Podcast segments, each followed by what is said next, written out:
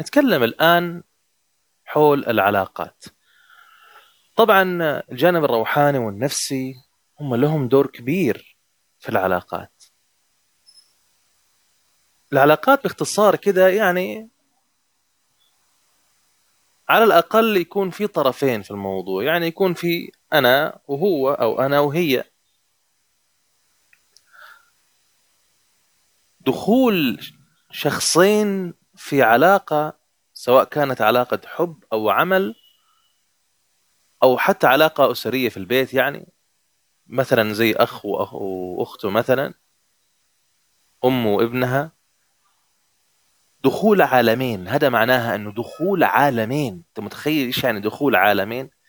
دخول عالمين مختلفين وفي الاختلاف وفي الاتفاق في التشارك. وفي عدم التشارك. يعني أنا أشارك في هذا الشيء ما أشارك في هذا الشيء. فصفات دخلت في بعض ويطلع فيها عالم ثالث. أو يرجعوا لعالمين زي ما هم كل واحد يروح لعالمه الخاص وما في يعني تواصل بشكل جيد بسبب صدامات حصلت يعني. طيب السؤال المهم هنا ما هي العلاقة التي تساهم في الحفاظ على المساحة الداخلية بلا حدود؟ هل هي العلاقة الصحية اللي بينادوا فيها في الوعي وإنه ينتبهوا من العلاقات المسمومة؟ هل هي من خلال فك التعلق المستمر؟ وبالتالي أنا أعمل علاقة أفضل يعني؟ خلونا نفكر شوية. لأنه هذا السؤال كبير.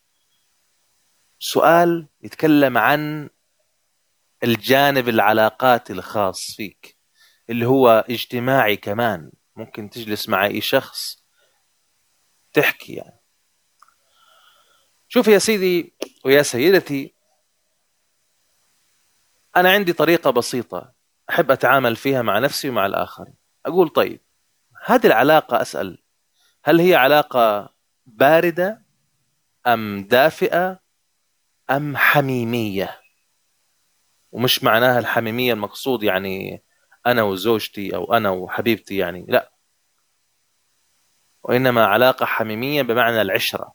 هذا هو صديق من زمان يعني أو هذه أمي تعتبر في المقام الأول يعني علاقة في تواصل مستمر يعني هذا معنى الحميمية يعني؟ okay؟ اذا باردة دافئة حميمية. فالسؤال هنا أوجهه لك وأرجو أنك تكتب يعني تقول مين الشخص بالنسبة لك اللي هو علاقة حميمية؟ يعني هذول في المقام الأول. هتقول أنا أعرفهم أيوه خلاص ما يحتاج أكتب. لا please اكتب. ليش تكتب؟ وتكتب بالورقة والقلم مش بالموبايل. لما انت تكتب حتعرف ساعتها مين الأشخاص اللي هم في دائرة تأثيرهم عليك؟ وهل فعلا هم بالنسبة لك في علاقة حميمية ولا لا؟ يعني ممكن في شخص تكتب اسمه تستغرب تقول كيف هذا في دائرتي؟ تمام؟ فإذا الشخص إيش يعني حميمي؟ يعني أنا على تواصل معاه بشكل يومي أو شبه يومي. يعني أنا بتكلم معاه ممكن في بعض الأسرار اللي عندي هذه علامة. يعني أنا لما يحصل صدام مع أي شخص أو صراع مع أي شخص ممكن أم أترك يعني وأمشي بس هذا لا ما ينفع أترك. حاول يعني نضبط العلاقة نشوف كذا. هذه برضو تدل إنه هذه علاقة حميمية. أوكي؟ خلصنا شرح على العلاقة الحميمية نخش في اللي بعده العلاقة الدافئة. إيش يعني علاقة دافئة؟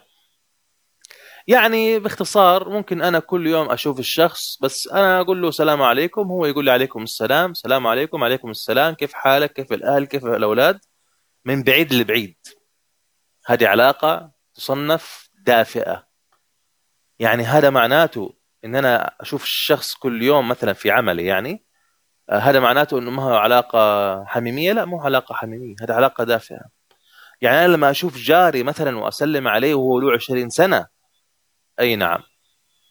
طالما ما في تواصل يومي معك مش بالضرورة يكون عند الباب جارك يعني. لا هذه علاقة دافئة. حتى يحصل تواصل معاكم شبه يومي بينكم وبين بعض تتحول إلى حميمية. وصلت الفكرة هذه؟ عظيم. أما بالنسبة لي العلاقة الباردة فهي العلاقة اللي هو تعرفه لما تكون مثلا راكب في باص مثلا أو في طيارة وتلاقي واحد جنبك راكب أول مرة تشوفه في حياتك. وفي هذا اليوم حصل بينكم حوار. وفي هذا اليوم أخذتوا أرقام بعض. هنا الكورة في ملعبك يا تخليه علاقة باردة بمعنى خلاص إنه هو جاء في نفس اليوم خلصنا وتعرفنا على بعض وتشرفنا بمعرفتك وهو تشرف بمعرفتي وكذا. وانتهى معناته هو إيه؟ في العلاقة الباردة. ما حصل تواصل ولا في سلام عليكم من بعيد لبعيد حتى. هذه تسمى إيه؟ علاقة باردة. جات كده بشكل لطيف و... وراحت لحال سبيلها. أو يصير أنا أتصل عليه وأسأل عنه يصير تتحول إلى علاقة دافئة إذا حصل تواصل مثلا أسبوعي أو شهري. أو يمكن يعني الأبعد من كده في المدة. أو يحصل تواصل شبه يومي فهذه علاقة حميمية. فاذا وصلت الفكرة الآن في عندي هنا علاقة حميمية وعندي علاقة دافئة وعندي علاقة باردة. السؤال المهم أنا وين أركز اهتمامي عشان أحافظ على المساحة الداخلية؟ الجواب صحيح العلاقة الحميمية. لأنه هذه هي الدائرة الأكثر تأثيرا على داخلك. هذه الدائرة كل ما حسنت من جودتها كل ما عملت لها بيئة خاصة كل ما أنت استثمرت في حياتك. طب السؤال المهم والشهير كيف أنا أتعامل مع أبوي ومع أمي؟ هل أنا أقاطعهم إذا هم يعني بيعاملوني بشكل مش حلو بيهاجموني ينتقدوني يسووا لي كذا؟ آه، يضيقوا الخناق على داخلي. هذه العملية في كل حال من الأحوال هي ما بتيجي في يوم وليلة. يعني حتى لو الشخص كان حتى لو الشخص كان من العلاقة الدافئة برضه حتاخد وقتها. فعلي أول شيء إن أنا أتقبل فكرة إنه هذا الموضوع حياخد وقت. ما حيخلص في يوم وليلة. ولو حصل قطيعة لا قدر الله برضه حياخد وقت. فعشان كده أول حاجة تقبل فكرة إنه حياخد يعني حتاخد فترتها. متى ما أعرف بس حتاخد فترتها. يعني مثلا أحكيكم في مقطع الصوت الجاي قصة أنا وأمي يعني كيف آه، وصلنا يعني كيف وصلت أمي معايا لحالة التسامح الجميل والعميق.